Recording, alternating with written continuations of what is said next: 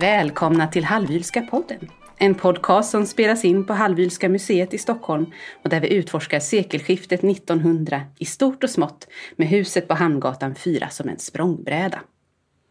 Podden leds av mig och jag heter Emelie Höglund och arbetar här på museet som intendent. Vid åren kring sekelskiftet 1900 dyker många nya religiösa rörelser upp.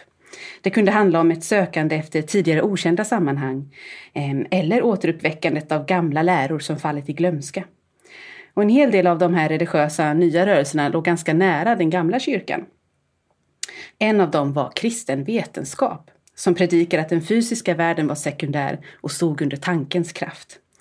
Framförallt stod kroppen och hälsan under tankens kraft och man menade att man genom att tänka rätt eh, och finna balans kunde tänka sig frisk.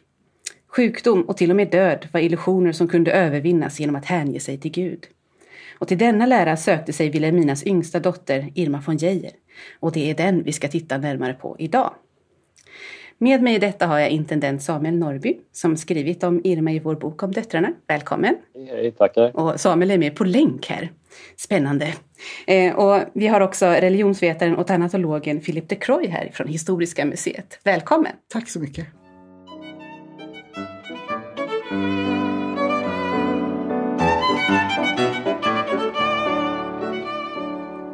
Jag tänker att vi måste börja gripa oss an det här genom att helt enkelt titta på kristen vetenskap och vad det är för någonting innan vi kommer till Irma och hennes bit i det hela.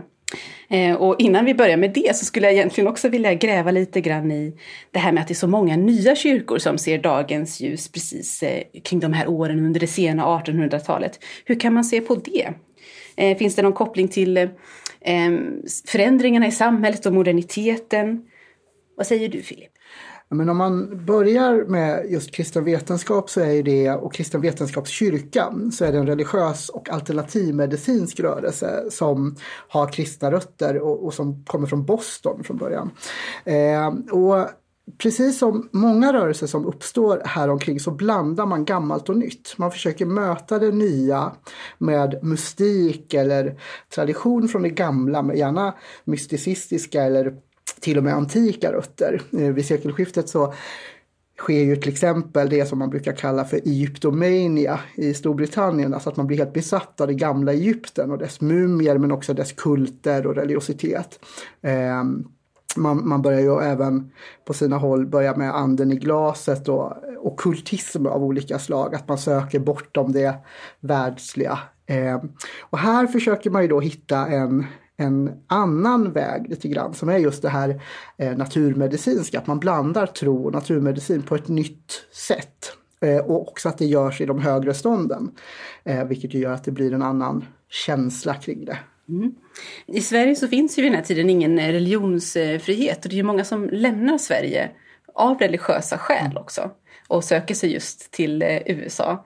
Mm. Eh, där fanns det en annan plattform för nya kyrkor att eh, att etablera sig? Är det många kyrkor kommer därifrån? Eh, otroligt många och, och det, de, många av de samfund som idag lite slarvigt brukar kategoriseras som sekter eller kulter är ju, om man tänker Jehovas vittnen, Jesu Kristi kyrka, och sista dagars heliga etc.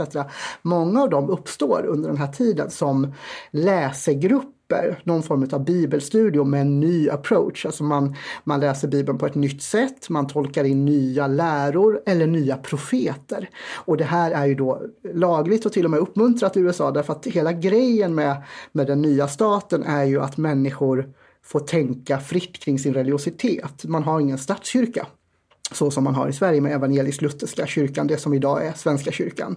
Eh, eller för den delen då katolska länder runt om på kontinenten, eh, i Frankrike och Italien och så vidare, där, där den katolska kyrkan dominerar starkt. Utan här får man tänka själv, man brukar prata under andens ledning, att man är inspirerad av den helige ande. Och så får man tillsammans söka sanningen i evangelietexterna. Men man kan då också krydda dem lite eller lägga till eller dra ifrån. Eh, och det är ju inte tillåtet i Sverige. Nej, här behövde man ha statens godkännande för att grunda en frikyrka. Fanns det några frikyrkor frånsett eh, den protestantiska lutherska eh, svenska kyrkan? Ja, men ja och nej. Det beror lite på när vi, när vi pratar. Men till exempel så har vi eh, Blaseholmskyrkan som grundas av Gustav Emanuel Beskow. Eh, och det är en väckelsekyrka som grundas 1867. Eh, och här blir det ju väldigt omtalat därför att en av de mest trogna besökarna till den här kyrkan är ju prins Oscar, alltså andre son till Oscar den andre och drottning Sofia. Eh, och han är ju då dessutom en skandalprins därför att han lever ju då eh, ett amoröst liv tillsammans med hovfröken Ebba Munk av Fulkila. Och de två blir ledande företrädare i det här nya samfundet. Eh, och då kan man ju säga då att den här kyrkan har ju då så att säga kyrkans tillstånd. Eh, och ibland är det ett tyst medgivande. Därför att det är för höga företrädare som, som är där så att säga.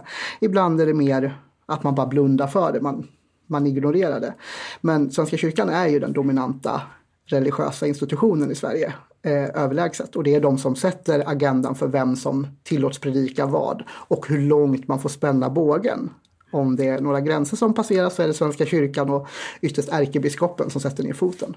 Det känns ju som en ganska stor sak att någon i kungafamiljen skulle avvika från statskyrkans eh, tro. Hur såg man på det? Ja men absolut, det är ju en stor, på många sätt skandal. Eh, det har ju inte skett sen, om man tänker drottning Kristinas abdikering och, och, och, och, konvertering till den romersk-katolska tron, vilket ju var en, en enorm skandal på sin tid under stormaktstiden. Vi, vi pratar ju hennes far, krigarkonungen, det protestantiska lejonet från Norden, protestanternas härförare eh, som, som strider mot katoliker hela sitt liv. Och sen så går dottern och konverterar, eh, inspirerad av de franska upplysningsfilosoferna, av tankehöjden i det hon upplever som den, den ursprungliga kyrkan. Eh, och här är det ju då lite samma sak, för vi ska ju komma ihåg en sak med, med svenska kungahuset. Än idag är det ju så att successionsordningen eh, som reglerar tronföljden, där står det också att eh, den som är arvsberättigad till tronen måste vara den rena evangelisk-lutherska läran. Eh, man får alltså inte vara icke-svenskkyrklig om man är kronprinsessan Victoria, eh, eh, arvsfurstinnan Estelle eller kungen då. De måste så att säga ingå. Sen finns det eh, undantag från det här eh, som har kommit med åren. Eh, de första det är drottning Desiree Karl Johan Bernadottes hustru från Frankrike som håller fast vid sin katolska tro och bland annat eh, finansierar eh, mycket katolsk verksamhet i landet. Hennes svärdotter, drottning Josefin, Eh, eh, är också katolik och hon är med och finansierar Sankta Eugenia som är landets äldsta katolska församling och som än idag ligger här i Stockholm fast i Kungsträdgården. Eh, tidigare på eh, Smedjebacken där vid Gallerian men som revs under, tvångsrevs under eh, Norrmalmsregleringen. Eh, då man byggde ett nytt sorts tempel där, ett Mammons tempel enligt då kritiker, att man eh, byggde en, ett köpcenter helt enkelt. Så det finns ju några, så att säga, icke-lutherska spår i den svenska kungahistorien, men de är ganska få och de är inte utan konsekvenser. Det är ju fortfarande så att eh, drottning Josefina till exempel kröns inte till drottning över, eh, eh över Norge. Därför att Eh, eller förlåt, är det det gäller Josefina? Nu är, jag, nu är jag osäker på det. Eh, någon av dem kröns inte till drottning över Norge, för norrmännen accepterar inte en katolsk drottning. Eh, så att när eh, kungen är kung över Norge så är kungen kung över Norge, men drottningen är inte drottning över Norge, utan bara över Sverige. Eh, och hon måste, just i Desirees fall så måste hon kyrktagas som det heter. Det är en slags konfirmation till den lutherska tron. Fast hon behåller sin katolska tro. Hon har ett katolskt kapell på slottet där, hon, eh, där mässa firas av fader Stordak som är hennes biktfader och präst. Så att det där är en brottning mellan personlig övertygelse och åtagandet för kyr, eh, som medlem av det kungliga huset, vad man får göra. Eh, idag är ju till exempel prinsessan Madeleines man Chris O'Neill katolik. Eh, Medan frikyrkliga eh, medlemmar av kungahuset är inga just nu, vad jag känner till. Mm. Så viss töjmån fanns ändå eh, för de kungliga och kanske då också även för samhället? Eller? De... Framförallt var det väl så att om de kungliga gick dit så blev det ju en legitimisering. Då blev det ju någonting som om de får så får ju även jag. Och så blev det en, en eh, snöbollseffekt så att säga, då kunde man söka upp den församlingen. Eh, inte alltid utan konsekvenser och periodvis i Sveriges historia har det ju varit straffbart. Det har ju varit förknippat med antingen landsförvisning eller halshuggning att, att avfäll, avfalla från den sanna läran. Eh, så är det ju såklart inte idag. Eh, men likväl så, så dröjer sig spår kvar, till exempel i successionsordningen där man där man ändå som blivande monark eller sittande monark måste tillhöra Svenska kyrkan. Eh, och det där syns ju än idag i form av att kungen och drottningen eller kronprinsessparet brukar inviga Svenska kyrkans kyrkomöte och det gör de ju till exempel inte i andra trossamfund om eh, kyrkan eller katolska kyrkan eller judiska församlingen har något, någon sammankomst så kan de ju för all del vara gäster, eh, hedersgäster. Men det är ju sällan de är där så att säga i kraft av eh, det gamla bandet mellan kyrka och stat. Mm. Man förstår också attraktiviteten då kanske i att eh, lämna landet för det mer frisinnade USA då vid den här tiden. Absolut. Och som du sa så är det just Och det var ju svårare för kungligheter att göra då ja.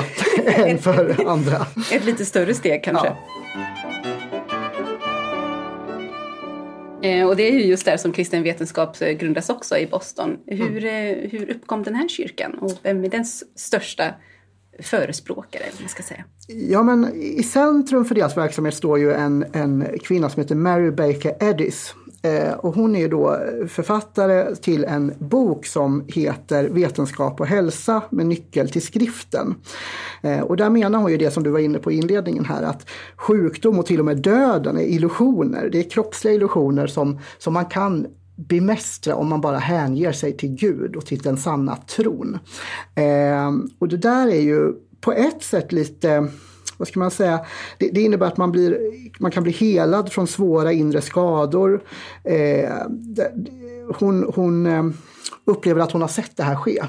Till och med personligen? Personligen att hon har sett. Och det, där, det där finns ju kvar även idag i vissa samfund. Eh, under 80-talet så trosrörelsen till exempel med, med, den mest kända församlingen här i Sverige, Livets Ord i Uppsala, var ju kända för någonting som brukar kallas helbrägdagörelse. Att man lägger händerna på sjuka så som det står i evangelien att man ska göra och så ska de bli friska.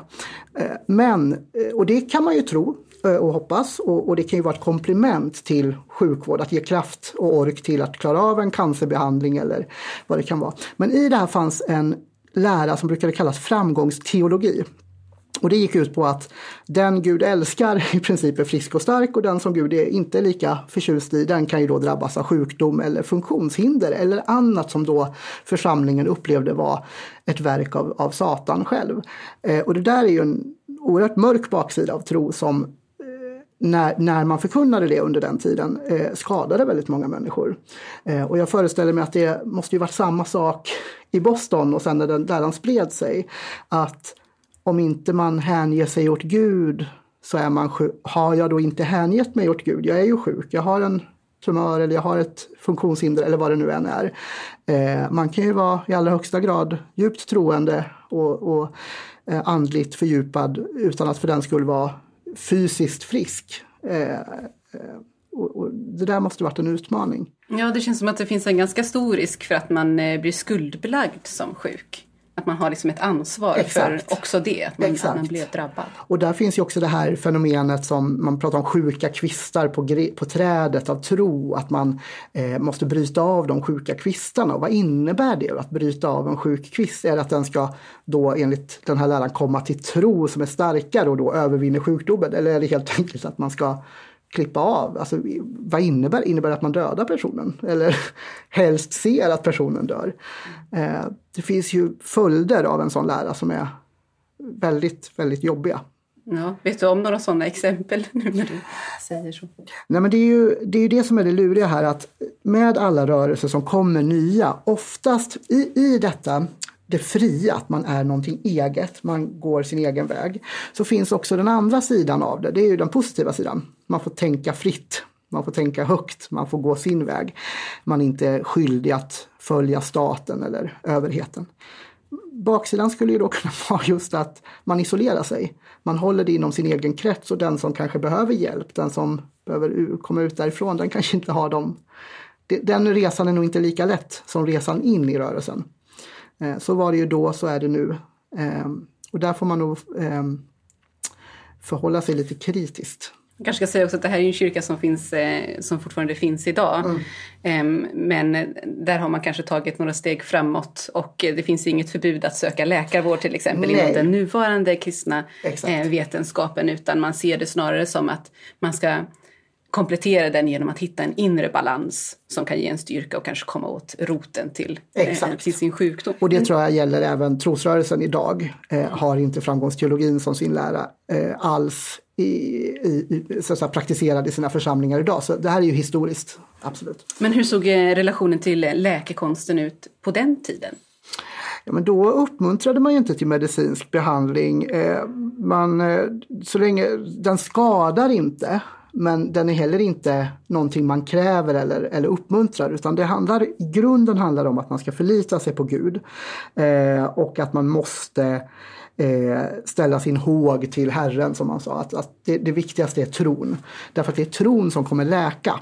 Det andra är komplement. Och idag kanske man är tvärtom, att man säger att tron bär kraften att orka med behandlingen. Man, genom bön och genom omsorg från församlingen så kan man bli buren genom det jobbiga man måste genomgå. Men det är medicinen, det är, den vetens, det är vetenskapen som kommer bära frukt vad gäller den rent, alltså att fördriva sjukdomen. Eh, och det är ju faktiskt ett enormt skifte mm. från då till nu. Verkligen. Eh, man kan ju se också i Eddies läror lite grann det här med att man går tillbaka till, eh, till det gamla. Mm. Ehm, där hon menar, om jag förstår det rätt, att helande var en grundfunktion i kristendomen på Jesu tid. Mm. Eh, och liksom det som är det väsentliga kanske mm. i, i själva religionen. Vill du säga någonting om det? Ja men absolut och det där är ju det som är, det, det, hon har ju helt rätt i det, alltså ett centralt spår i, i de kristna evangelierna. Det är att Jesus så som Guds son har kraft från himmelen, från sin far enligt läran, att fördriva det onda, bota det sjuka, lindra det svåra. Det är ju essensen. Han kan det därför att han har nycklarna till dödsriket. Han kan besegra självaste döden. Och då är det klart att han också kan bota sjuka. Och han gör ju eh, en blind man seende, han eh, väcker en man från de döda, han eh, botar sjuka. Eh, det är ju det han gör. Det är ju så han blir så att säga, det är ju så han blir kändis. Eh, faktiskt. Det är ju så att hans, eh, enligt evangelierna då så är det ju så att han, han gör heliga handlingar som är bortom det greppbara, det vetenskapliga, det, det förståeliga. Och det får ringa på vattnet för då börjar ju så folk såklart prata om det. Och så skulle det ju vara idag också, att skulle någon göra mm, sådana handlingar så skulle det bli omskrivet och omtalat. Och den personen skulle vara brist på bättre ord, men, men en, en stor influencer eh, idag. Eh, så är det ju. Eh, och det är det hon hämtar. Och det är det hon menar att hon har sett också rent faktiskt i sitt liv. Att hon har sett hur bön botar sjuka. Och det finns många troende av olika religioner, inte bara med rötter i kristendomen utan av olika slag, som tror Eh, idag. Sen är det lite olika om man tror att det sker eh, rent faktiskt här och nu i ett bönemöte. Det förekommer, även om det är mer ovanligt, särskilt här i Sverige. Eh, eller om man tänker mer att det är en process i samverkan med den av Gud inspirerade eller skapade läkekonsten och de medskapare som finns där så att säga. Att, att läkekonsten då blir medskapare till Gud i att utveckla och säkra människors hälsa och, och liv.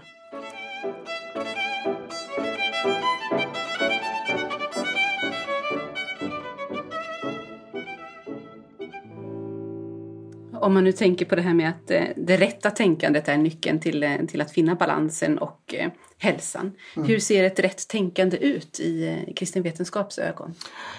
Ja men det är ju den inre, alltså att ha just tilliten är ju nyckeln. Att man, att man tror så innerligt, att man tror på Guds läkekraft, på, sin, på hans förmåga att genom eh, de redskap som våra händer är, om vi tror innerligt, då kommer Gud genom våra händer använda våra händer som verktyg för helbrägdagörelse, att, att bota, lindra Eh, och friskförklara. Eh, sen är de ju en speciell, man, kristen vetenskapskyrka är ju speciell på så sätt att man har inga präster. Man har inga, eller pastorer, man erbjuder inga eh, övergångsriter i livets olika faser, alltså dop, eh, konfirmation. Eh. Det, det, finns inga, inte ens begravning på tal om död då. Det finns inget sånt. Det är inte det man sysslar med då, historiskt, utan man är istället en slags troende studiecirkel i det närmaste. Alltså man, man vill binda samman tro och vetenskap så som namnet antyder. Men man gör det med en liten kanske slagsida då eh, från början på att tron är så mycket viktigare. Det finns ju också en eh, tanke här om att eh, som jag sa i inledningen, att den materiella världen är sekundär på något sätt. Lite mm. av en illusion och att det är anden som är det mm. bärande i verkligheten. Mm. Och det här känns ju som lite österländskt tänkande mm. om man tittar och, på och de stora världsreligionerna. Och grekisk filosofi också med skuggvärlden och vad är, vad är det verkliga och vad är, vad, vad är det vi ser och vad är det vi tror oss se? Vad är det egentligen där? Mm. De är ju på så sätt väldigt metafysiskt bevandrade. Och det är ju inget konstigt om man tror på Gud som den primära läkekraften. Eh, men man inte kan ta på det gudomliga, men man kan tro på det gudomliga. Och den tron försätter berg, det är den som förflyttar tid och rum, det är den som läker och botar. Eh, då måste man ju ha en väldigt djup tro. Eh, därför att det blir ju, om man tänker så här, tro som individualistiskt fenomen, då är det ju någonting som bär mig. Men här ska du ju bära andra också. Det är ju eran cell av troende som ska bota världen. Och då är det, det lägger ju ett stort ansvar på, på, dina, på dina egna axlar också. Så att de är ju inte så att de pekar finger åt någon annan utan de säger att jag måste vara sann i min tro. Jag måste bära det här på mina axlar för att du ska kunna bli frisk. Eller för att ni ska kunna må bra. Och det är ju eh, väldigt fint och väldigt tungt. Ja, verkligen. Eh, hon den här Mary Baker Eddy, hon hade ju tidigare varit eh, patient till en Phineas Quimby. Mm. Eh, och det är många som eh, pekar på hans influenser från hennes lära. Vill du säga någonting om, om dem? Vad kan man se för spår där? Kan jag säga väldigt lite om egentligen. Ehm, det som är är ju att hon, hon, är så här, un, I de här stora rörelserna så finns det nästan alltid en eller ett par inspirerande Ofta män, i det här fallet är det ju en kvinna som är den ledande företrädaren, men hon i sin tur är inspirerad av eh, stora liksom, profiler. Eh, så är det ju även med, med Russell i läserrörelsen som sen blir Jehovas vittnen och liknande. Eh, och det här, eh, den här det hör ju så tätt samman med den här tankefriheten. Eh, det här är ju människor som förmodligen hade suttit i fängelse om de hade varit kvar i England eller Frankrike eller Sverige. Eh, därför att de hade kunnat vara heretiker, alltså att de utmanar tron för långt. Eh, det går, det går för långt, de spänner bågen alldeles för långt. Medan här i USA, eller det som blir USA, där är det ju någonting annat. Där är de ju som egentligen som, på tal om det här med att knyta an till historia, som de ju gärna gör, det blir ju nya profeter. Det blir nya företrädare för sanningen, folk med gudomligt direkt tilltal. Eh, och det är så de blir de tunga profiler de är som lever kvar än idag. Eh, I böcker, i tro, i praktisk handling. Det är ganska häftigt och intressant som fenomen. Vi har betydligt färre profeter från Sverige än vad vi har i USA. Utifrån den här tilltron då. Ja, det låter som en högst logisk eh, förklaringsmodell till det. Den här eh, eh, Phineas Quimby, han ägnade sig åt hypnos för att bota sina patienter. Och så är det en liten avsteg i detta med att det är bönen som är kraften men att eh, man liksom utifrån då kunde påverka genom hypnos. Men det var någonting som Eddie vände sig emot. Mm. Han har väl framförallt problem med ordet också eh, hypnos, att det är någonting som, han myntar ju det och det, etabler, alltså det etableras ju kring honom och, och, människor som honom. Men så småningom så tycker han det är lite problematiskt just för att det låter som att det är någon utifrån som tar kontroll. Men egentligen är det att du söker ditt inre. Det är en ganska holistisk tanke som bygger, alltså, alltså du kan bota dig själv alltså inombords, då tangerar man ju nästan allt det här, allt är gudomligt. Det finns inom dig. Den kraften är nedlagd i, i din födelserätt. Eh, eh, om man har en religiös tro så är man ju också att man är skapad av Gud. Eh, sen exakt när det skapandet sker, om det sker gång på gång eller i en urcell spelar egentligen inte så stor roll, för du har en del av det gudomliga nedlagt i dig. Och genom hypnos eller trans eller någon annan form av eh, att gå inombords så får man ju möjlighet att hitta det inom sig själv. Man kan gräva där man står lite grann. Mm, så du menar att de står närmare varandra än vad de kanske själva skulle säga? Ja, alltså verkligen. Och jag, jag tänker att de som är verksamma som hypnotisörer idag till exempel skulle nog inte vara främmande för det heller. Eh, jag pratade med en hypnotisör för inte alls länge sedan som sa det att ja, men placebo är fantastiskt.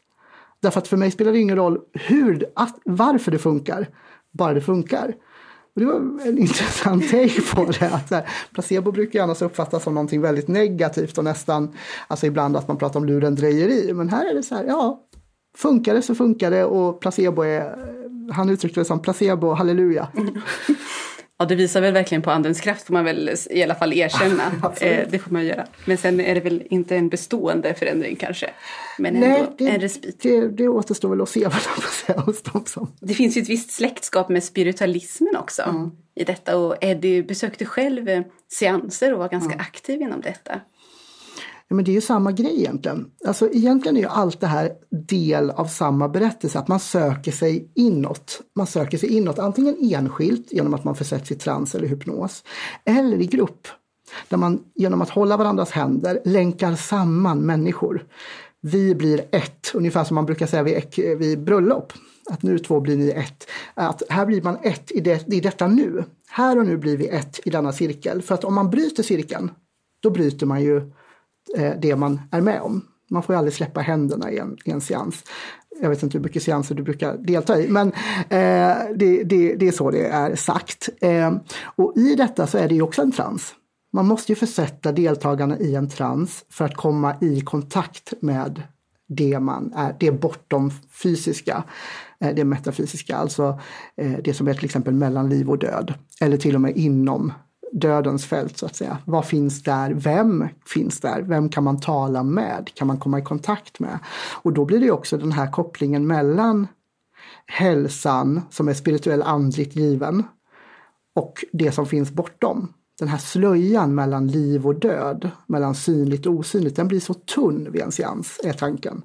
Den tunnas ut genom, seans, eh, genom den som förrättar seansen, då, hens eh, kontakt med andevärlden eller det bortom fysiska. Precis, det bortom fysiska. För det är ju någonting som, eh, som skiljer spiritisterna och eh, Eddie åt i alla fall det här just vad det är man får kontakt med. Mm. Om det är någon som någonsin har levat eller om det är en, en ren ande. Mm. Så att säga. Men det här med att man kan övervinna döden genom, eh, genom det rätta tänkandet, vad menar man då? Är det, handlar det om detta som man också kan se lite grann i hinduismen och buddhismen, att eh, genom fokus på att andligheten är det väsentliga så lämnar man bara kroppen bakom sig för att bli ande? Eller vad är det, hur övervinner man döden eh, enligt den här läran? Ja men i grunden så, här, här finns ju en, en skillnad. Om man tänker i Santana Dharma, hinduismen, eh, den eviga eh, sanningen, eller då buddhismen, där är det ju att man återföds i en ny tillvaro i en ny kropp, i en ny existens. Och sen gör man det ett antal gånger, men det är ju inte ett egenvärde. Det är till och med någonting man inte önskar. Man önskas befria från det. Det är då man blir fri. Moksha eller nirvana, att man uppnår in, alltså den absoluta friden och förenas med världssjälen. Eh, Atman och Brahman, alltså personliga själen och världssjälen ska förenas och bli ett. Då är du i harmoni. Och då upphör också din vandring. Så vandringen är inget positivt som i, i, i den västerländska versionen av själavandring så upplevs det ofta som någonting eftersträvansvärt. Det är någonting lite exotiskt och, och härligt att man säger åh då får jag vara något annat. Men det är ju tvärtom, man vill inte detta. Eh, I traditionell kristendom, där är det ju inte en vandring i denna tillvaron utan den går ju direkt till eh, dom. Eh, och du kan då, eh, lite beroende på var man står då, men man kan hamna i skärselden. Eh, för, för att, eh, och det är skära, rena. Alltså att man renas från synder innan man får träda fram inför Gud och, him och himmelriket. Eh, eller så i värsta fall hamnar du i helvetet, det är ju eh, desto tråkigare. Då är det ju evig pina som gäller eh, i tid och evighet. Eh, eller så är du en av de få då inom katolsk lära som ju också kommer stort här för somliga eh, är ju då att man eh, kan träda fram inför de saliga och heliga direkt. Då är man ju det man brukar idag kalla helgon. Alltså att man helt enkelt var så pass ren och föredömlig redan i döden att, eh, att man kan gå direkt till Gud. Man är kallad direkt till himlariket. Och det är det då det som man kan göra genom det rätta tänkandet då? Ja men det rätta tänkandet ger, ger ju en, inte fribiljett, men det ger ju en, om du är innerligt eh, i kontakt med det rätta eh, tänkandet, den rätta läran, då kommer du ju slippa lidandet när du väl dör. Eh, du, sen om man kommer direkt till himlen eller inte eh, är lite oklart tycker jag, därför att det finns lite olika nyanser och det har väl kanske att göra med deras öppenhet för olika inslag, att det kommer från olika spirituella håll.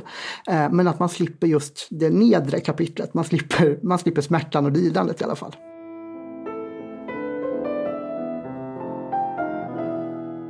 Ett annat spännande spår i den här lärande tanken ju har så otroligt mycket kraft. Det är ju det att man kan hela andra, men man kan också skada andra mm. med sin tankekraft. Mm. Och det här är ju någonting som Eddie menar det borde vara straffbart. Mm. Eh, eh, att tänka onda tankar och genomföra så kallade mentala attacker. Mm. Vill du säga någonting om det? Det finns ju ett, eh, ett rätt, det finns ju rättsfall där, där eh, föräldrar har blivit åtalade eh, och i något fall dömd till och med för dråp för att de inte sett till att sjuka barn har fått medicin. Det där är ju en sån där uttryck för, det skulle man ju kunna då åtala. Men där är det ju inte att man har så att säga med tankekraften försökt skada sina barn utan det är ju att man i sin fysiska praktiska handling har avstått behandling, att man inte har gjort det möjligt att få vård. Och det låg ju snarare i linje med den lära man eh, nosade vid lite, att, att om den kantrar, om det inte är ett komplement så som man, som man menar idag, utan att det är det centrala, då hamnar man ju där. Det finns ju liknande exempel med nämnda Jehovas vittnen till exempel där man vägrar blodtransfusioner för att det är emot tron, för själen finns ju i blodet. Eh, nu har det börjat uppfinnas olika lösningar på det där blodet liksom cirkulerar genom rör och så på så sätt aldrig lämnar kroppen utan de är liksom kvar i kretsloppet. Och då kommer man runt det. Annars är det ju många barn eh, genom tiderna som har tvingats somna in i onödan faktiskt eh, för att de inte har fått den vård som krävs. Ehm, och det är ju det är otroligt sorgligt. Eh, som en del av en sån kantring eller avart av en tro. Ehm, det kan ju inte vara meningen att barn ska behöva somna in. Nej, och det var väl kanske ingens intention heller utan Nej. att man tänkte sig att man skulle rädda dem på något annat sätt. Ja, och där finns ju den brottningen som är så intressant med kristen vetenskap, den här brottningen mellan, där de försöker överbrygga den klyftan mellan vetenskap och tro. Att de menar att de hör så sam tätt samman. Och det är ju många religiösa och troende eh, idag som är inne på samma, samma linje. De här står inte emot varandra, de är inte i konflikt. Och det finns ju många exempel på det. Eh, den katolska präst som är med och uppfin eller uppfinner, han, han är med och konstaterar Big Bang-teorin eh, till exempel eh, har ju inte en motsättning mellan vetenskap, han är ju fysiker själv, mellan vetenskap och, och tro till exempel. Ja, man vet aldrig vad som händer med idéerna i andras händer. Nej. Det visar ju just Absolut. det exemplet ganska Verkligen. tydligt.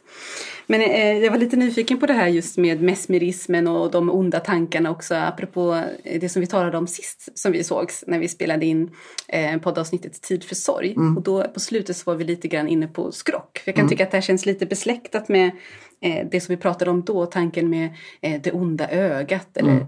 Eh, att man kan råka Eh, lägga över någonting mm. på någon annan som blir en olycka och så. Ja. Är det här någonting som ligger väldigt mycket i tiden, det tänkandet, att man kan se det som ett, ett utslag för det?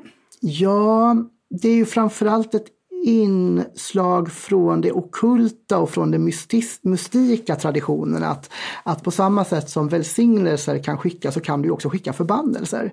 Eh, det är ju så att säga samma krafts eh, två sidor av samma mynt. Välsignelsen är jag välsignar dig, jag vill dig väl. Eh, med den här kraften som en sköld mot ondska så kan du gå fram i livet. Eh, men förbannelse så är det precis motsatt. Du vill personen oväl, eh, du vill personen ont. Och det är ju det som, när hon tror så starkt på, på kraften från Gud så tror hon ju också på kraften när den korrumperas, när, när vi för med onda tankar istället och kastar dem mot varandra. Då är det ju en katastrof. Och det är det hon menar ska vara olagligt. Och det, har man den tron att tron kan eh, verkligen välsigna eller förbanna människoliv. Då är det ganska rimligt att, att då kräva en lagstiftning som, som gör det ena också olagligt. Jag menar lika lite som jag får slå dig fysiskt så ska jag få slå dig med en förbannelse. Eh, det, det är en tänkvärd tanke utifrån den tron. Det är logiskt, bara man skriver under på förutsättningarna. Exakt, exakt så. Hon, Eddie har ju också en ganska spännande livshistoria, eller ett dramatiskt eh, liv. Och mycket av det här eh, som hon predikar om i sin bok säger hon sig också ha upplevt eh, själv. Hon i en olycka skadade sin rygg dramatiskt och botade sig själv genom bibelläsning. Mm. Och också de här mentala attackerna säger hon sig då ha upplevt. Och jag läste att hon lät sina elever stå vakt utanför hennes dörr när hon sov som ett mentalt skydd eh, Eh, mot sådana attacker. Mm. Och det där är ju just det. Om man, det blir lite som med seansen. Står man som en cirkel runt någon, står man utanför dörren, då blir man som en sköld. En sköld mot ondskan eller mot onda tankar, onda eh, gärningar. Eh, och det är ju det är ganska vackert egentligen att, att man tänker att det här kan vi göra tillsammans. Ni kan vara min sköld, jag kan vara er sköld. Eh, på samma sätt också, jag kan vara er välsignelse istället för en förbannelse. Sen uppstår ju då kruxet om det är en, kan man göra en motförbannelse? Kan, man, kan förbannelser över en enskild individ drunkna i välsignelserna? Eh, det, det är ju en spännande tanke. Kan man avförbanna någon med, med hjälp av kraften? Jag skulle tro att hon säger ja eh, utifrån det jag läst om henne. Eh, men eh, har hon några exempel på där hon har lyckats? Kanske sig själv. Kanske sig själv, ja men verkligen. Hon har ju, hon har ju verkligen varit drabbad på, på många sätt själv. Mm. En, en ganska färgstark person den här eh, Mary Baker Eddy. Men när läraren kommer till Sverige då har Eddie redan hunnit eh, gå bort. Mm. Hur mycket av det här eh, finns med i läran som kommer till Sverige? Det hinner ju, alltså det är ju som viskleken. Eh, att om jag viskar något till dig, som viskar till Samuel, som viskar till Heli, som viskar till de andra kollegorna här i huset. Så kommer det vara en annan berättelse som till slut berättas uppe i någon av salarna här på museet. Och det, så funkar ju det här också, att det som inte finns, det som finns och följer med, det är ju de skriftliga källorna. Alltså hennes egna texter, de följer ju med. Och de blir ju så att säga kärnan i i, i läran. Eh, det som däremot förkunnas och berättas mun, i muntlig tradition, det tunnas ju ut och förändras och det läggs till saker. Därför att i det här finns ju också den här tankefriheten, att man faktiskt har rätt att att själv lägga till saker och det gäller ju även i Sverige. Det till en början är en ganska liten församling. Mm. Eh, var ser vi att de etablerar sig någonstans? Det är ju i Stockholm och Göteborg. Eh, Stockholm bildas 1913 och Göteborg 1921. Och totalt har det sedan funnits fem eh, kyrkor i landet totalt. Och det, det är ju ingen stor rörelse här. Det är det ju inte. Men det, det ska vi komma ihåg, det gäller ju alla, eh, alla av den typen av samfund som kommer så pass sent ändå, förhållandevis sent.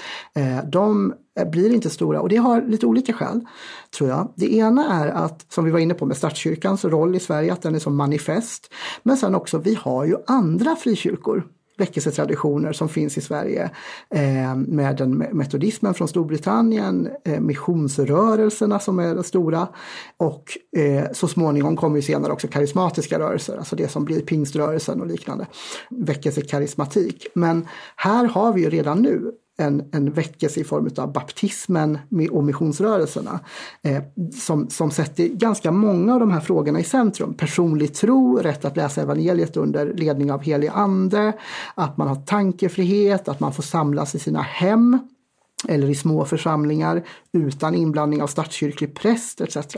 Eh, och det gör att ska man säga, i brist på bättre ord, konkurrensen är ganska stor redan. Eh, Medan där man bryter in i samhällen som inte har en stor, en eh, bred väckelsetradition, där blir man ju någonting unikare, någonting annorlunda. Det här är ju en av de eh, frikyrkor som faktiskt får statens eh, godkännande mm. 1913. Och den fick en ganska stor spridning just eh, ibland adeln. Mm. Hur, hur, kan det komma sig? Ja men en av orsakerna, alltså om man tänker i de högre stånden där man redan står lite över samhällets åsiktstvång eh, eller tanke och, och framförallt trostvång. Man, man tillhör ju kanske statskyrkan, det gör ju alla eh, genom dop, så det är, inte, det är inte så mycket val. Men eh, tankefriheten är ju högre där du tar dig rätten, där du har eh, en, en egen så att säga Eh, man har ju läskunnighet tidigare, man har eh, tankefriheten tidigare så till den kraft att man, man är ju vana vid att få tycka och tänka och man är van att få bestämma. Eh, när det hänger ihop tätt med rösträttsrörelsen också. Det här är ju människor, i frikyrkan till exempel så var det ju, eh, där hade ju kvinnor rösträtt före rösträtten i samhället för kvinnor. Därför att man accepterade och välkomnade kvinnliga predikanter och eh, det som senare blev pastorer. Eh, så eh, var det ju på ett sätt också inom aristokratin därför att där var man ju van att kunna rösta och göra sin röst hörd. Inte alla, men alltså männen framförallt då. Men att man var van att bli lyssnad på. Man var van att få tycka och tänka fritt och att man fick forma debatten. Och även samhällsdebatten formades ju mycket av, av denna grupp, eh, alltså högborgerligheten och aristokratin, alltså adeln. Eh, och så är det ju med detta också. Så det är en vanesak skulle jag säga till stor del att är jag van att få tycka och tänka om politik eller samhälle så får jag väl också tycka och tänka om tro. Eh, och sen gör man ju inbrytningar där, där man vill, just det här intresset för att förena vetenskap och tro. Det finns ju här mer utbrett. Därför att det är här vetenskapen också finns. Eh, eh, läkarna till exempel är ju den så att säga bildade klassen, eller tillhör den bildade klassen, som allmogen kanske då inte gör. Här finns ju en klyfta. Absolut. Sen är ju det här också ett trossamfund som inte ägnar sig åt någon aktiv mission direkt. Mm. Då måste ju de sociala banden vara väldigt viktiga också i, mm. i vilka som inkluderas i församlingen. Mm. Och nu kanske vi äntligen kommer till Irma här. Mm. Samuel. Hur kom hon i kontakt med eh, den här läran?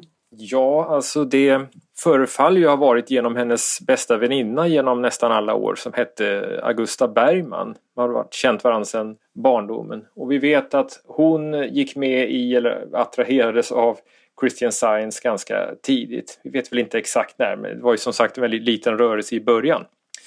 Och det var genom henne som Irma fick upp ögonen för det här. Den saken är väl ganska klar.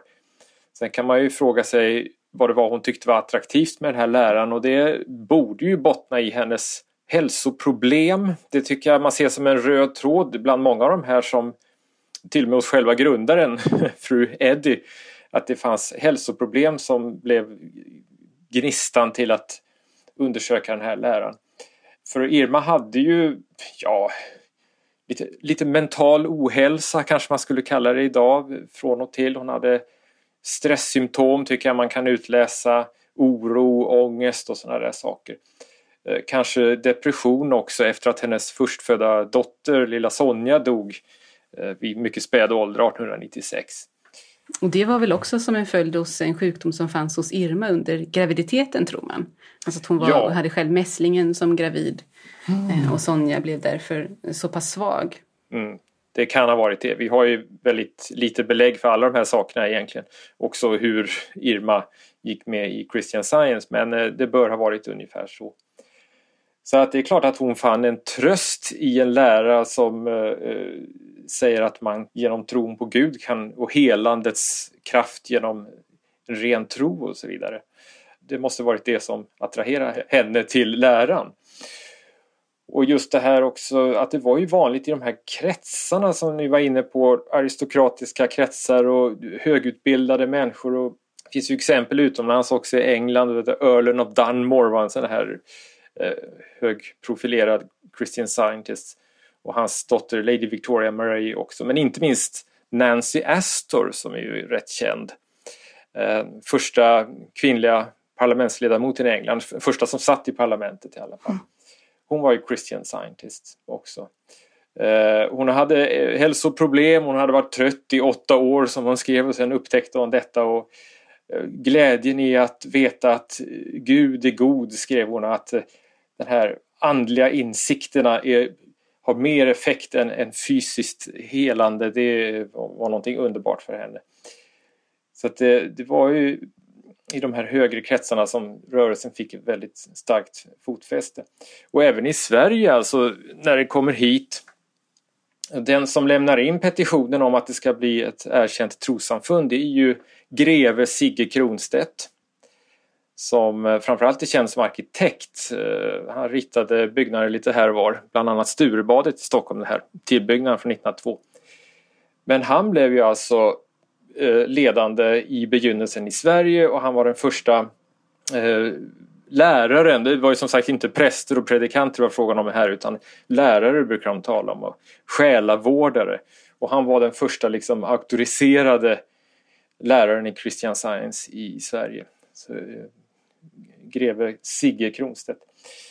Och Irma, ja, hon... Eh, Ja, när jag undersökte det här inför boken så jag kunde inte hitta något påfallande bevis på papper för att hon var medlem men det kanske heller inte var strängt taget nödvändigt att ha det för att känna sig som en Christian Scientist. Men det finns ju lite litteratur som hon har efterlämnat som tyder på att hon läste om sådana här saker, var mycket intresserad av det andliga. Eh, hon gick ju inte på i kyrkan eh, nere i Skåne, de bodde ju vid Vegeholms slott, om söndagarna som resten av familjen utan vad jag förstått så brukade hon stanna hemma och kanske läsa själv dessa texter mm. från Christian Science-rörelsen istället. Så. Vet vi om hon trädde ur sin, eh, sin gamla församling?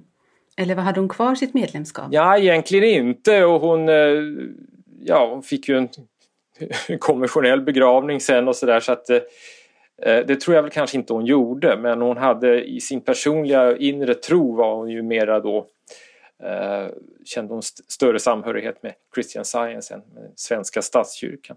Och det är intressant att konstatera att det finns ju hos föräldrarna, Walter och Wilhelmina von Hallwyl, inga som helst tendenser till den här typen av personlig sökande tro som eh, vi då kan se hos Irma här och, och även hos Ellen, mellandottern.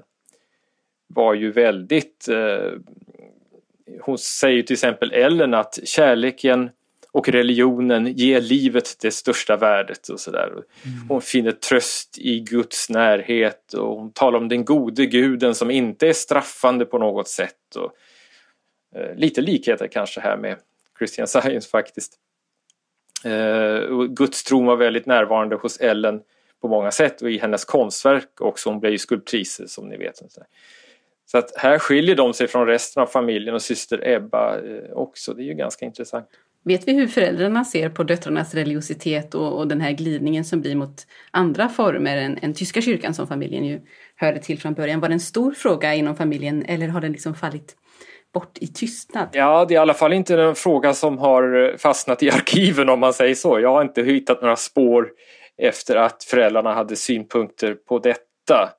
Eh, det hade väl varit värre om de hade konverterat till katolicismen kanske för det, där har vi ju många exempel på att Walter och Wilhelmina von Hallwyl var eh, ja, mindre entusiastiska. Eh, hon var, beskrivs ju som varm protestant Wilhelmina och sådär försökte, ja de var, hade inte mycket till övers för katolicismen så det, den, det är det enda vi vet. Men sen eh, Wilhelmina själv talar ju aldrig om Gud på det här sökande och personliga sättet som Ellen gör och, och som Irma kanske gjorde också, dock ej i skrift vad jag kunnat hitta. Det är ju lite intressant när du säger att eh, Walter och Wilhelmina vände sig så mot katolicismen. Med tanke på vilka böcker du har hittat i Irmas bibliotek. För det fanns ju en hel del religiös litteratur där. Bland annat om katolicismen men också den medeltida eh, kyrkligheten och sådant. Ja. Eh, kan man koppla det samman med eh, eh, kristen vetenskap där man ju ville gå tillbaka till den tidigare religionen? Eller hur ska vi se de här titlarna då? Eller, eller tror vi att hon också sökte i katolicismen efter eh, andra pusselbitar? Ja, jag tror inte hon var främmande för att eh, ha kännedom om och, och söka kunskap i andra religioner också eller andra kristna varianter. Eh, så att fascinerad var hon väl i alla fall, det kan man ju se av de här böckerna. Sen kan det ju svårt att säga exakt hur hon använde denna litteratur och vad hon tyckte om dem. Men att, men att det fanns ett... Det är mycket sant. Mm, att det fanns ett intresse, det gjorde det ju tydligen. Det finns ju ett spår som, som eh, skulle kunna vara bärande för henne där eh, märk väl, skulle kunna vara. Det, vi har inte belägg för det heller. Men utifrån den litteratur som, som jag har kikat på också från, från ert arkiv. Eh, och det är ju att rosenkransen eh, i den katolska rosenkransen, alltså det radband man läser böner. Den är uppdelad i olika mysterier men också olika lidanden. Nu har ju till exempel Via Dolorosa, alltså det smärtsamma lidandets väg. Eh, i, centralt i, i kristen tro i allmänhet, katolsk tro i synnerhet, är ju lidandet. Det är därför Kristus alltid hänger på sitt krucifix, alltså plågad, smärtad. Eh, de som såg den här filmen Passion of the Christ det är ju eh, otroligt mycket smärta och lidande i och det är ju, det är ju en katolik som har eh, skapat den filmen. Eh, det finns ju ett spår där och just det här med att Kristus lider som vi, är sjuk som vi. Det är ju så man ser förändring i krucifixen borta på historiska också. Att från den här konungsliga med guldkrona på huvudet som är hel och ren så att säga till att sen under till exempel pest och under smitthärd, ja då blir Kristus lidande, blodig, mager eh, med törnekronan på huvudet. Att det finns ett spår av att här finns det där lidandet, det där sjuka också hos Herren som vi kan övervinna som Herren. Eh, så där finns säkert en hel del inspiration att dra. Sen är det ju intressant utifrån, jag tänker utifrån ett teologiskt perspektiv att, att Wilhelmina och Walter var så eh, starkt protestantiska. Eh, de heter ju von Hallwyl Eh, och det är ju oftast, antyder då i, i deras schweiziska arv att de tillhör den just eh, protestantiska eh, grenen. I just Schweiz så finns det, medan de familjer som har adelspartikeln du istället, där indikerar oftast ett katolskt arv. Eh, det som kanske är mer franskinspirerat eller franskspråkigt. Eh, så det här kanske är gamla konflikter som ligger i, i deras hem, hemland och deras rötter. Jag vet inte, men det skulle kunna vara så. kan det väl vara. Vad säger du Samuel? För visst eh, finns det två grenar av familjen von Hallwyl där den ena är protestantisk och den andra är katolsk? Ja, det, det, var väl så. Jag ska inte yttra mig för mycket på den punkten. Men eh, det var i alla fall ett, ett land där båda dessa religioner fanns företrädda. Mm. Och eh, nej, men vi vet att man var väldigt engagerad i att eh, hejda katolicismens framfart. Mm. Gjorde det ju handgripligen vid ett tillfälle när hon eh, fick ett hysteriskt telegram från Nathan Söderblom, ärkebiskopen här, om att Wartburg delvis skulle komma i katolska händer. Wartburg var ju den borg i Tyskland där Luther satt och översatte Bibeln till tyska. Det är liksom protestantisk eh, helgedom nästan. Och eh, det var något eh, katolskt samfund, jag minns inte vilka, som skulle köpa en del av egendomen eller marken alldeles intill och det tyckte han var alldeles förfärligt. Eh, denna eh, papistiska invasion eller vad han skriver. Och då ber han Wilhelmina om pengar så att eh, protestanter kan köpa det här istället. Och då hon skänkte alltså så pass mycket pengar till det så att det, det kunde lösa sig. Så att, även om hon är, jag har aldrig uppfattat Vilmina själv som så överdrivet ja, religiös va, eh, på det sättet. Men hon kände i alla fall starkt för det protestantiska på det sättet att eh, hejda katolicismens framfart. Det kanske på ett sätt inte är konstigare än utlandssvenskar som är djupt sekulära men som ändå firar alla högtider av tradition och, och rot i Svenska kyrkan i utlandet, alltså i den församling som finns där de bor. Mm. Eh, jag såg till exempel nu att eh, Eh, prinsessan Madeleine hade varit och invigt någonting i Svenska kyrkan i Florida. Och då var det ju fullsatt och alla svenskar satt där och sjöng svenska psalmer och åt pepparkaka. Det var vid jul då såklart. Ehm, det där är väl en sån där, det, det känns hemmavant och det känns tryggt och är man eh, tysk eh, protestant eller tysk kyrklig protestant från Schweiz, ja men då då är man ju i den sfären av protestanter och då är det klart man är lerad med den evangelisk-lutherska statskyrkan i Sverige på ett sätt i, i de här gamla konfliktlinjerna som finns i Europa mellan katolskt och protestantiskt. Jag tänker att det kanske också kan vara, om man bara ska spekulera vilt, en fråga om arv också. Mm. Med Wilhelminas glasögon på att det här hör hemma, eh, det hör till den här läran, då ska det vara det, för så mm. har det alltid varit. Ja, var sak på sin plats, det var hon ju Exakt. bra på. Ja, ja minst sagt. det känns ju nu som att eh, Irma kunde behålla båda sina eh, världar lite grann. Så att hon byter tro, eller i alla fall influeras starkt av den här tron, men hon har kvar sitt gamla sociala nätverk. Hur stort är liksom ett, eh, ett trosbyte rent socialt? Om man tittar på samhällsklassen lite mera, hur ser man på det? Eh, behöver man så att säga ta avstånd från, eller ta församlingen avstånd ifrån en så att det blir kyligare relationer, eller är det en icke-fråga? Ja, nu vet ju inte jag om hon gjorde det här bytet eller vad man ska kalla det eh, officiellt som jag sa utan det kanske var någonting som hon ägnade sig åt på kammaren. Och eh, jag kan inte tänka mig att det sågs med oblida ögon för att som sagt rörelsen var ju starkt förankrad i väldigt respektabla kretsar och sådär. Så att eh, det finns ju väldigt lite belägg för detta som sagt. Jag har mycket lite i arkiven som kan bevisa någonting. Men jag har inte anledning att tro att hon råkade ut för ovilja eller någonting sånt från, från människor i sin omgivning för att hon ägnar sig åt Christian Science. tror jag inte. Nej, och jag, jag kan ju inte det specifika exemplet som du sa, men däremot i generella termer så är det nog, precis som du är inne på, det beror nog på vem man är, vilken maktposition och framförallt vilken klassposition har man i samhället när man utmanar eh, normerna så att säga. Det gäller ju även det gäller ju inte bara trosfrågor. Jag tänker Wilhelminas Eh, visst är det eh, eh dotterson, eh, Rolf de Maré, eh, och hans liv och levande som ju då är kriminaliserat men som hon verkar inte ha några större eh, liksom, betänkligheter med. Trots sin då eh, förmenta väldigt starka tro och liksom ändå att den ligger där lite latent. Men det är liksom, man är sina nära nära man kanske ska förtydliga då att det alltså handlar om att han eh, levde som homosexuell utan, ja. att, eh, utan att dölja det en tid när det var olagligt ja. ifall, ifall den som lyssnar ja, inte men precis, känner till precis. Och det, jag menar, någonting som är självklart idag och, och behjärtansvärt var då liksom kriminaliserat men här i, i huset här på Hamngatan så var det verkar det inte varit någon stor grej vad det verkar. Ehm, och eh, han lever ju öppet och han har ju en, en partner så småningom i eh, balletten där i Paris om jag förstått det rätt. Eh, jag lyssnade på ert senaste.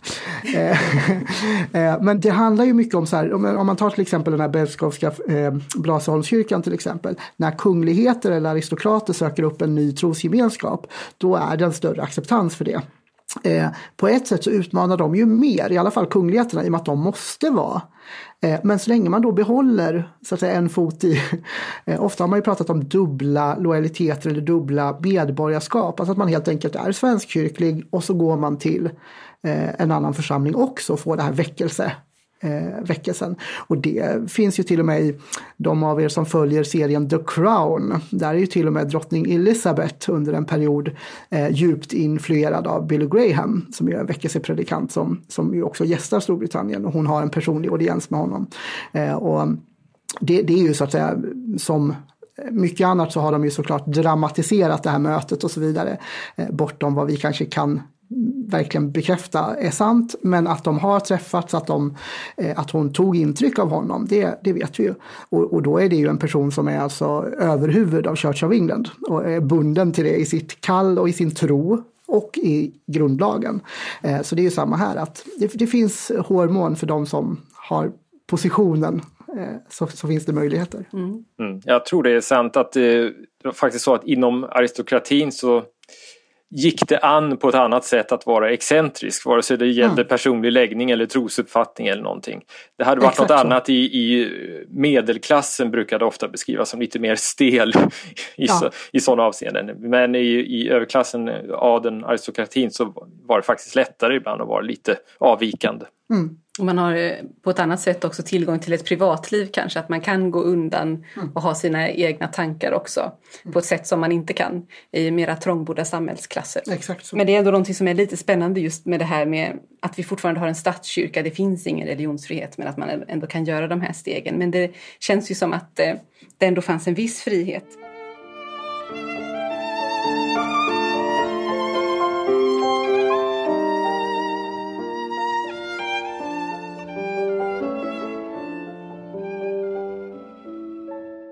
Jag tänker på också eh, hur den här kyrkan är organiserad så känns det som att de söker efter någonting lite mer demokratiskt och jämbördigt om man jämför med både katolicismen men också den protestantiska svenska kyrkan.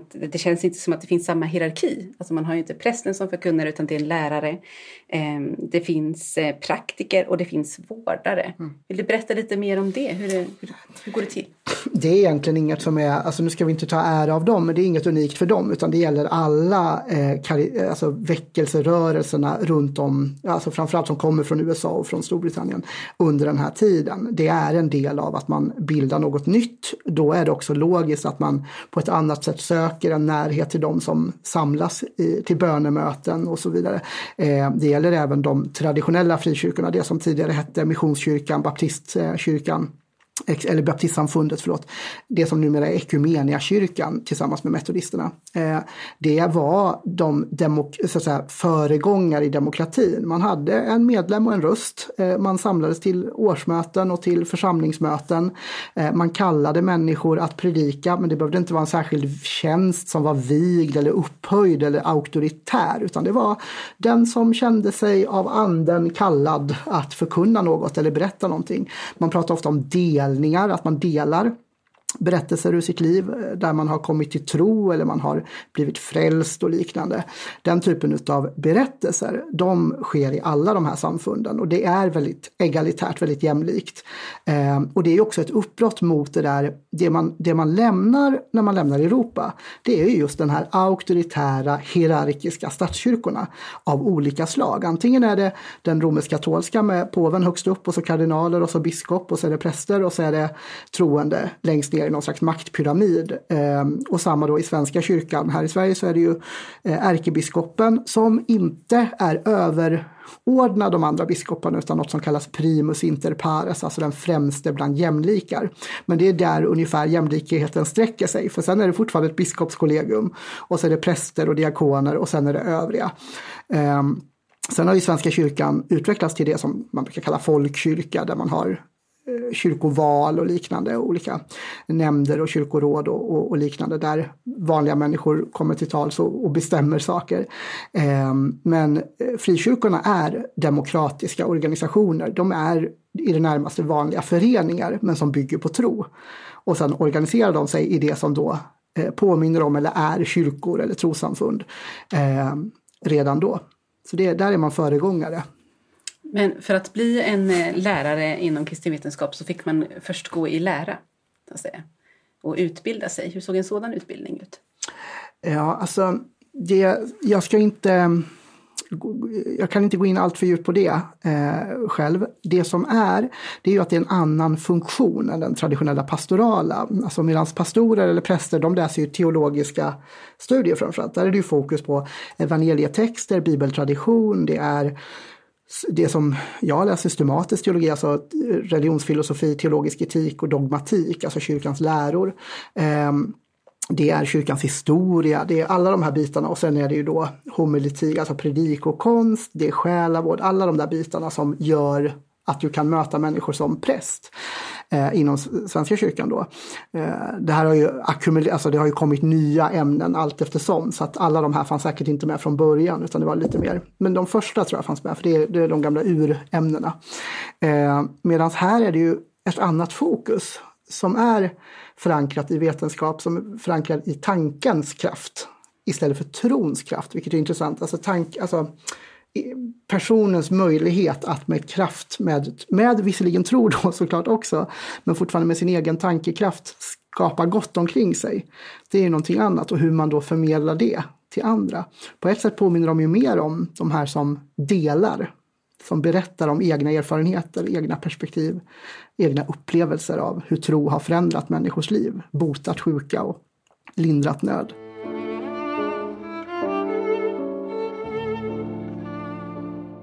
Den här Eddie var ju väldigt inflytelserik. Bland annat så grundade hon, en skola där mm. man skulle då utbildas till sådana här eh, praktiker och, och, lärare. Men hon hann lägga ner den redan innan hon gick bort. Hon grundade också ett antal eh, tidningar och så. Hur pass inflytelserik skulle man säga att hon var egentligen? Oerhört i sitt sammanhang. Eh, bara det att samfundet lever kvar än idag i Sverige är ju, är ju ett tecken på det. Hon har ett arv som, hon sådde frön som, som gror än idag. Eh, just det här lite entreprenöriga, det, det förenas hon också med andra eh, väckelseprofiler. Om man tar en långt senare, Levi Petrus som grundade pingströrelsen här i Sverige. Han startade ju eh, tidningen Dagen, han startade ett parti det som är eh, Kristdemokraterna idag grundade han. Han grundade eh, grammofonbolag eh, som det hette då, alltså ett skivbolag motsvarande eller en spellista.